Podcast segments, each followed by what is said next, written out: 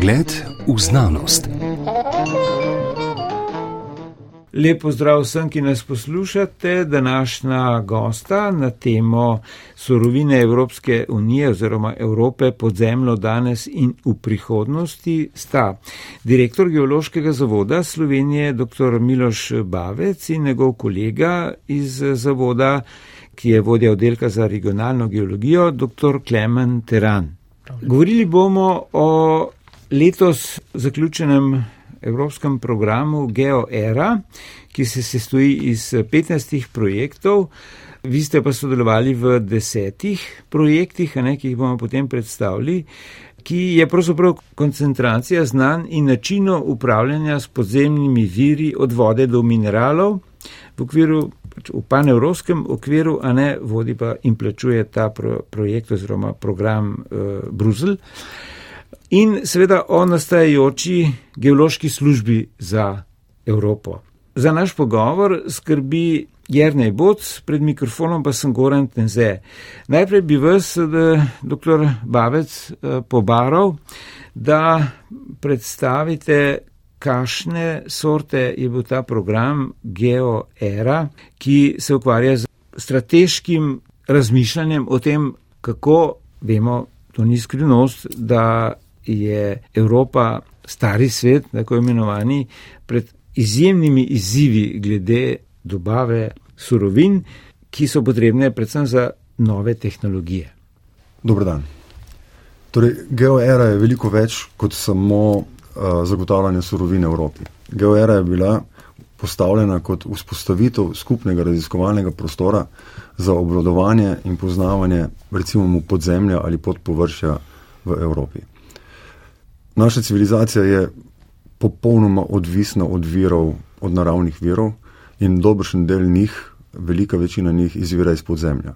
Ob tem, da moramo te vire znati trajnostno izkoriščati, moramo znati ob tem trajnostno gospodariti tudi z okoljem in z izkoriščanjem virov ne obremenjevati pretirano okolja.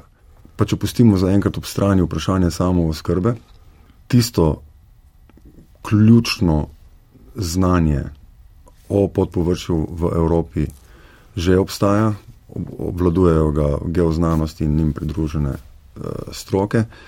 Tisto, kar je manjkalo do zdaj, pa je bila povezanost tega znanja za to, da bi lahko nekoč v prihodnosti dobro odgovarjali na vse te izzive, ki nam jih uh, čas postavlja ta trenutek. V zadnjih štirih letih smo vzpostavljali skupen evropski geološki raziskovalni prostor, in teh 15 projektov, ki ste jih omenili, so bili samo neko orodje za to, da smo, se, da smo na praktičnih primerjih prišli do res tesnega sodelovanja. Sicer ne iz začetka, ki bi bil nič, to skupno sodelovanje je že obstajalo v okviru Eurogeo Service, to je Združenje Evropskih geoloških zavodov.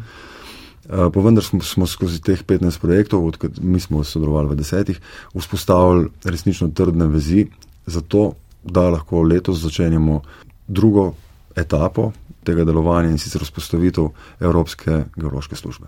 Program GeoEra vsebuje pokrivano štiri tematska področja. Ne? Geoenergija, podzemne vode, mineralne surovine in informacijsko platformo. Ne?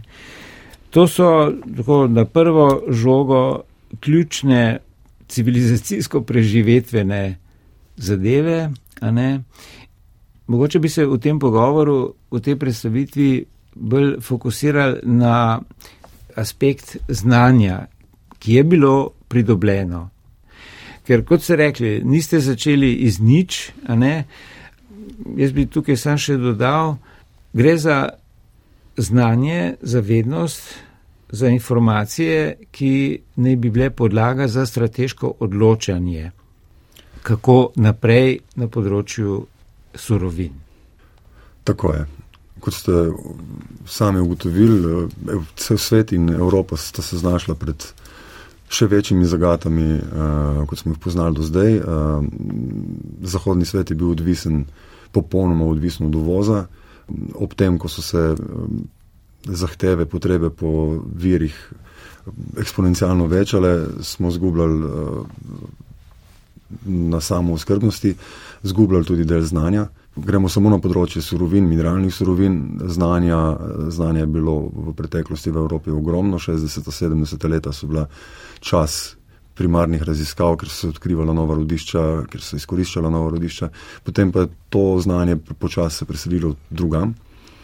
Uh, še vedno obstaja in ga treba seveda uh, obuditi in vzdrževati tisto, kar pa zdaj geoznanosti lahko ponujajo in kar je na srečo prišlo tudi na, na politično raven, je pa strokovna pomoč uh, za na znanju utemeljene odločitve, s katerimi bo Evropa prišla v bolj zeleno prihodnost, v manj uglično prihodnost mhm. in bolj trajnostno ravnanje s prostorom. No, sej ni neznan seveda kontekst tako imenovanega uresničevanja zelenega dogovora, ne, ki ne bi, da ne bo se ponavljali, to tudi v poročilih izvemo, ne, do leta 30, tam okrog 50 odstotkov, govorimo o ogličnih verih, ne, zmanjšal pri transportu, tukaj še več aspektov.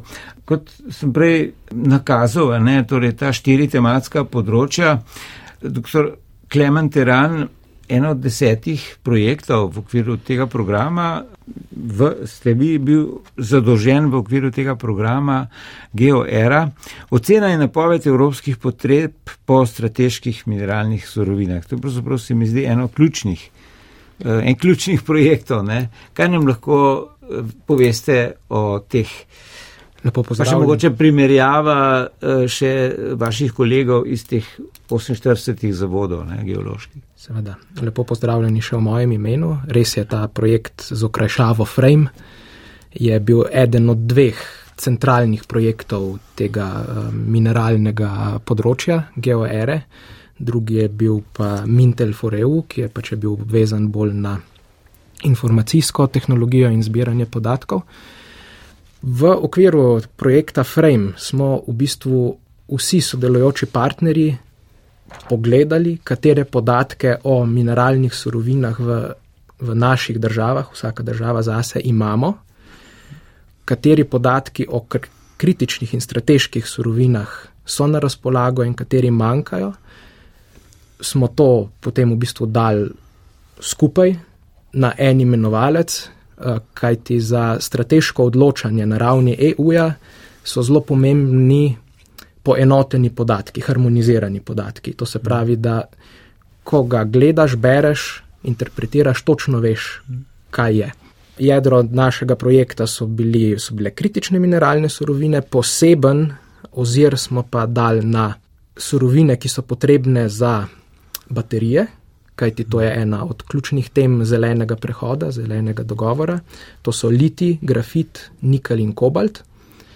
Drugi poudarek sta bila brezkonfliktna dobava niobija in tantala, ki se trenutno dobavlja predvsem iz srednjeafriških držav, kjer pač poznamo, da Kongo, naprimer, Kongo Demokratična mm. republika Kongo je glavni dobavitelj tantala in niobija, kjer ta trgovina tudi proizvaja konflikte oziroma financira konflikte. Tako da smo pogledali, kaj od tega imamo v Evropi in kako te dobavne poti potekajo in kako bi se dal to spremeniti.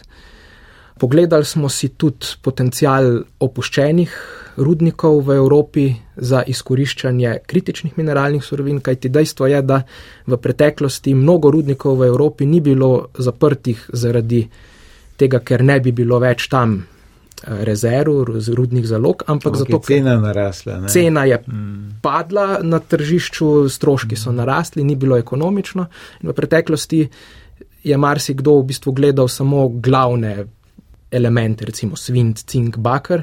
Mm. Zelo redko so se pa analizirali te slednji elementi, ki so pa danes ključna sestavina visoko, visokotehnoloških proizvodov, telekomunikacije, veterne elektrarne, eh, baterije, sončne celice, magneti. Ne na zadnje, v Sloveniji je rudnik urana na Žerovskem vrtu, eh, vrhu že zdavne bil zaprt, ne, zaradi bolj ali manj ekoloških in tudi ekonomskih razlogov. Ne. To drži, s tem, da uran spada pod energetske surovine in se z njim direktno nismo ukvarjali. Ampak eh, dejstvo je, da Evropa in Slovenija ima te surovine. Sedaj se moramo samo vprašati, kakšna je stopnja raziskanosti, kvaliteta podatkov, starost teh podatkov in kaj lahko v luči trenutnih geopolitičnih razmer, kaj lahko storimo, da mhm. zmanjšamo svojo odvisnost. Koliko zdaj po teh eh, nekaj letih eh, intenzivnega funkcioniranja, eh, raziskav, veste na ozemlju Slovenije, koliko je še možnosti za pridobivanje nekaterih, boste povedali, katerih surovin mineralnih, ki so pod zemljo. In mogoče ošvrknimo še s kakšnim podatkom primerjalno, kaj na ravni Evrope se po teh letih, ki je zdaj konc tega pro, programa, ve več, ali je to sploh uh mhm. -huh. ne samo ekonomsko, ampak tudi uporabno, uh mhm. -huh. izvedljivo. Ja, na ozemlju Republike Slovenije poznamo več kot 200 različnih uh, pojavov mineralnih surovin in uh, nahajališč. Izmed kritičnih, pač uh, zdaj je ta Seznam kritičnih mineralnih surovin se spreminja na vsake tri leta, naslednje leto bo nov, trenutno jih obsega 30, izmed teh 30. Lahko rečem, da imamo v Sloveniji najštevilčnejše pojave buksita. Buksit je aluminijeva ruda. Buksiti v Sloveniji so številčni, vendar omejeni v obsegu, to se pravi, količina je relativno majhna.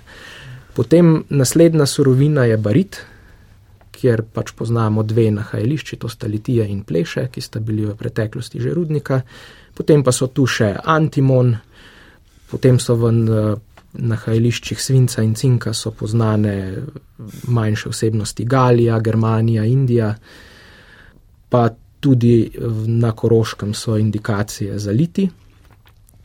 To se pravi, imamo seveda v evropskem merilu. So slovenska nahajališča relativno majhna, vsa po vrsti, z izjemo Mežice in Idrije, ki sta bila recimo evropskega in svetovnega formata. Na ravni Evrope se pa v bistvu rudarstvo že dogaja ponovno, v nekaterih državah se niti ni prekinilo, recimo Skandinavija. Poljska, ne, premog, Poljsk, ne, ne, Poljska pa tudi bakar, bakar in cink. Poljska je eden glavnih evropskih, ne samo evropskih, svetovnih proizvajalcev bakra, tudi uh mhm. -huh. mislim, da, da zaseda 9% v skrbi. Eh, in cinka. Skandinavija je vedno bila zelo mislim, bogata z nahajališči, pa tudi rudarstvo tam ni nikoli prenehalo. Tako da smo v bistvu v okviru tega projekta izoblikovali, da zelo velik potencial za, za izkoriščanje ima recimo ta skandinavski ščit od Norveške, Finske, Švedske, pa Iberski polotok, osrednja Francija, pa osrednja Evropa, to je bohe, bohemski masiv. Ja. Pa, to seveda, so stare kamnine. Ne? To so ja, iz variskične organize. Mm. Pa tudi Balkan. Ne smemo pozabiti, da Balkan ima izjemno veliko število nahajališč, zelo velikih ki pač je strateškega pomena. Mhm. No, mogoče čisto za ilustracijo eh, še povzamete na kratko, namreč eno od teh projektov, kjer je bil zavod geološki udeležen v okviru teh 15 tega programa, je tudi eh, Eurolitos viril krasnega kamna v Evropi. Ne? Zdaj, veste, da so izdelki, sploh če so klesani iz kamna, zelo lukrativna dejavnost. Ne? Pa še malo je tistih, ki znajo to sploh početi. To je res. Zato se je pač je ta Eurolitos projekt bil v bistvu prepoznan kot pomemben delež, da v bistvu naravnega kamna ne smemo pozabiti, tako za izdelke kot za arhitekturo in so v bistvu potem v okviru tega projekta naredili atlas evropskih okrasnih kamnov z kratkimi opisi, ki se lahko potem uporabi bodi si v restauratorske namene, bodi si v neke arhitekturne, da se ve, da se ne pozabi, Miloš Bavec, ne vem, zdaj se ne spomnim točno, ampak več kot deset let je že od tega, ko je šla ta precej obsežna monografija treh avtorjev o geologiji Slovenije, kjer je nekako prikazano do takrat znan, znano vedenje o tem, kaj je tu podzemljo. Zdaj, če primerjamo ugotovitve tega programa, ki ste ga leto zaključili, in podatke od tam se da nekako uh, vzpostaviti, kakšno, pokazati na kakšno razliko, koliko več veste, predpostavljam, da ja. Pa se bom moral malo razočarati. Ne. Mi v smislu pridobivanja novih podatkov o, o globinah pod našimi nogami nismo naredili nekih velikih prebojev. V geoeri smo mi združevali znanje in preverjali, koliko smo Evropski geološki zavodi v sodelovanju sposobni odgovoriti na izzive današnjega časa s podatki, s katerimi razpolagamo.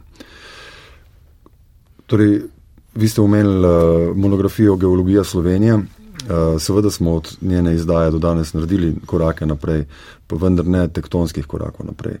Za tektonske korake naprej potrebujemo vsi v Evropi, ne samo v Sloveniji, enostavno nov pogled na pomen geoznanosti in novo upoštevanje pomena informacij, ki jih geoznanosti lahko dajo družbi. Zdi se, da je prišel čas, ko o tem ne govorimo več samo tisti, ki se s tem ukvarjamo, ampak je zadeva prišla na politično raven. Septembra letos je Ursula von der Leyen napovedala izdajo zdaj ta trenutek imenovanega Critical Raw Materials Act ali ureditve na področju kritičnih mineralnih surovin, za kar pričakujemo bodo potrebna tudi nova geološka znanja. V vsej Evropi, žal pa v tem primeru še bolj poudarjeno v Sloveniji, uh, je znanje o globinah pod našimi nogami zelo, zelo omejeno. Če do neke mere poznamo površje, uh, v nekaterih državah bolje, v nekaterih manj, če v nekaterih delih poznamo dobro okolico obstoječih in bivših rodišč, uh, ali morda nekih raziskovalnih prostorov, kjer so se ta rodišča ali morda kakšni energenti iskali in pripravljali za, za izkoriščanje, je pa poznavanje ostalega prostora, predvsem pod globino recimo 300 metrov, izjemno, izjemno slabo. In nove tehnologije zagotovo omogočajo gospodarjenje s prostorom tudi pod globinami 300 metrov, pa ne samo gospodarjenje s prostorom, tudi izrabo virov, ki jih te globine prinašajo. Uh, no in tukaj opažamo premike v razumevanju okolja v smeri, da, da se zavedanje o tem, da smo odvisni od volumna pod našimi nogami, da se to zavedanje uh, bistveno izboljšuje. Se to pozna tudi v financiranju novih raziskav geoloških, torej iskanju, menili ste teh 300 metrov, to je kar globina. Recimo vem, da ta ni, eh, plitka eh, geotermalna, torej topla voda, ne, je ena od zelo obetajočih zadev, ki recimo v Skandinaviji, ali pa najbolj je znano tam na Is Islandiji, ne, pač se, seveda se tam večina otoka greje, tam ni toplo, ne, z geotermalno energijo, ampak tam na vsakem koraku malo da ne, eh, topla voda viri, viri iz ozemlja, ne. Povečano zanimanje se že pozna. Ne na zadnje je dokaz temu tudi uh, uspeh naše prijave za vzpostavitev geološke službe v Evropi, uh, ki začenja letos, uh, ki se je ravno kar začela in bo trajala pet let. To je pa v bistvu izvedbeni program. Ne? Pravzaprav je to. Ugotovitev tega geoera. Ne? Tako, stoji na temeljih geoere, vzpostavljenega skupnega raziskovalnega prostora, in zdaj se bomo mi skozi teh pet let pripravili na način, kako bomo servisirali odločevalce v Evropi in v svojih državah, da bodo sprejemali, recimo, dobre odločitve. Na sami intenzivnosti raziskav in financiranju tega iz evropskih ali tudi nacionalnih fondov, ta trenutek še bistvenega vpliva ni, ga pa pričakujemo. Predvsem zdaj, ko, ko opažamo, da je, da je šlo izven strokovnih krogov, da je šlo na nivo odločevalcev, to zavedanje uh, o problemih, ki jih imamo, kar optimistično gledamo naprej. Veseli me, da ste opazili tudi uh, napredke na področju geotermalne energije uh, oziroma geotermije. Tukaj pa je bilo nekaj uh, zagona že pred temi kritičnimi meseci in leti. In to je bil pravzaprav eden od glavnih virov raziskav podzemlja in glavnih virov uh, pridobivanja novih podatkov v večjih globinah že kar nekaj let v Evropi. Tudi tu uh, se z lahkoto, z veseljem lahko pohvalimo, da v Sloveniji nismo na začetku. da imamo izjemno usposobljeno strokovne, strokovne ekipe. Za mene še prav osebno, še prav posebej veseli, da je jedro te ekipe na Geološkem zavodu Slovenije. Skratka, kakorkoli eh, obrnemo, izzivov se tu ne manjka, ne? ampak za raziskovanje podzemlja pa potrebuješ strokovni kader. Ne? Zdaj, vaš zavod eh, sveda ima eh, raziskovalne kompetence, predpostavljam, da se lahko tudi prijavlja na razpise javne agencije za raziskovanje. Recimo, eh, vi, Klemen Teran, ste pa lani na Novogoriški univerzi zagovarjali doktorsko oziroma dizertacijo, ne, oziroma podelitev je bila Skratka, ne, ste še eh, razmeroma novo pečeni doktor znanosti. Ja, podržalo, ja. Tega, ne. Kako pa je s pedagoškim, govorim potencijalno uh, možnostjo vašega pedagoškega sodelovanja? Te ljudje se formirajo na pač parih fakultetah v Ljubljani ne, ali v Novi Gorici, ne vem, kako je v Kopru, ampak zdaj to ni to ključno, ki je v Mariboru, predpostavljam, da je. Zdaj, raziskovalni prostor in akademski prostor je odprt in vse bolj odprt. Uh, in to je še ena od stvari, ki grejo znanosti in strokam v prid uh, v zadnjih letih. Nismo več omejeni na tradicionalne vezi, ki so vedno bile dobre, tudi ampak se resnično odpiramo, eh, znanje dajemo nazaj in ga dobivamo eh, mednarodno in v Sloveniji. V Sloveniji imamo mm, dobro izobraževanje na področju geologije, pri iskanju kadra pa nismo omejeni samo na slovenski kader, ampak imamo možnost zaposlovati tudi iz tujine. Poleg tega naši raziskovalci se izpopolnjujejo doma in po svetu tudi na tem področju, jaz bi rekel, da so dobri časi. E, koliko konkretno pa z pedagoškimi napravami, kot so univerze tukaj pri nas, nekaj jih je pač kar nekaj, saj javnih, recimo Novogoriška, e, v Ljubljani, seveda, ali je to bolj neformalno, torej čist poklicno sodelovanje ali tudi pri formiranju kadrov, če tako rečem. Dobro, dobro sodelujemo. Vaš mladi kolega je že vodja enega oddelka. Torej... Kar je očitni znak, da naše univerze proizvajajo odličen kader. Dobro. E, zdaj, da se povrnemo k geološki službi, ne, ki, smo že, ki smo jo že omenjali, ki ne bi bila neka konstantna struktura, ki bi za, za, za, uh, dobavljala ustrezne informacije za odločevalce o surovinah pod zemljo. Ne? Obstaja kakšna eh, časovnica? No? Obstaja jasen načrt in sicer, da bomo to službo vzpostavili do leta 2027 z velikim komentarjem, sklicajem, da ta služba ne bo nova organizacija, ta služba ne bo nova, to, novo podjetje ali nova agencija. Struktura, v bistvu. To bo samo še bolj povezana mreža Evropskih geoloških zavodov in ostalih geoznanstvenih organizacij, ki že danes dajo odgovore. Mi danes nismo na začetku, že danes se komisija obrača na nas, že danes se državne vlade obračajo na nas, eh, že danes se, ne na zadnje, če gremo k prejšnjim delom, univerze eh, obračajo na nas oziroma sodelujemo z univerzami. Iz leta v leto imamo več možnosti pomagati pri strokovno utemeljenih odločitvah, to ni samo slovenski pojav, to je resnično evropski pojav. In v tem smislu nas lahko veseli, da se na nekaterih temah vračamo v 60. in 70. leta, ko so te stroke cvetele, spet z enim dodatkom, da je danes veliko, veliko večji poudarek na trajnostnem upravljanju s prostorom, na zelenem prehodu, na zmanjšanju, na zmanjšanju ugličnega otisa. Torej, objema eh, hvala za to, da smo vsaj osnovni obris tega, kaj se dogaja na področju eh, načrtovanja strateških odločitev o tem, kaj se bo z surovinami pod zemljo danes in v prihodnosti v okviru Evrope, ne samo Evropske unije, ne, dogajalo. In v okviru seveda pač pravkar omenjenih strateških ciljev Evropske unije in delov sveta, ki se držijo mejno Evropske unije ne? in eh, se tudi kanijo pridružiti v to druščino. Miloš Bavec, direktor geološkega zavoda in eh, Kleman Teran, vodja oddelka za regionalno geologijo na Geološkem zavodu Slovenije, hvala, da sta prišla v študijo to razložiti. Za to se vama zahvaljujeva Jrnej Boc in Goran Teze, ki sem ta pogovor povezoval. Hvala za vabilo. Srečno. Hvala tudi vam in srečno.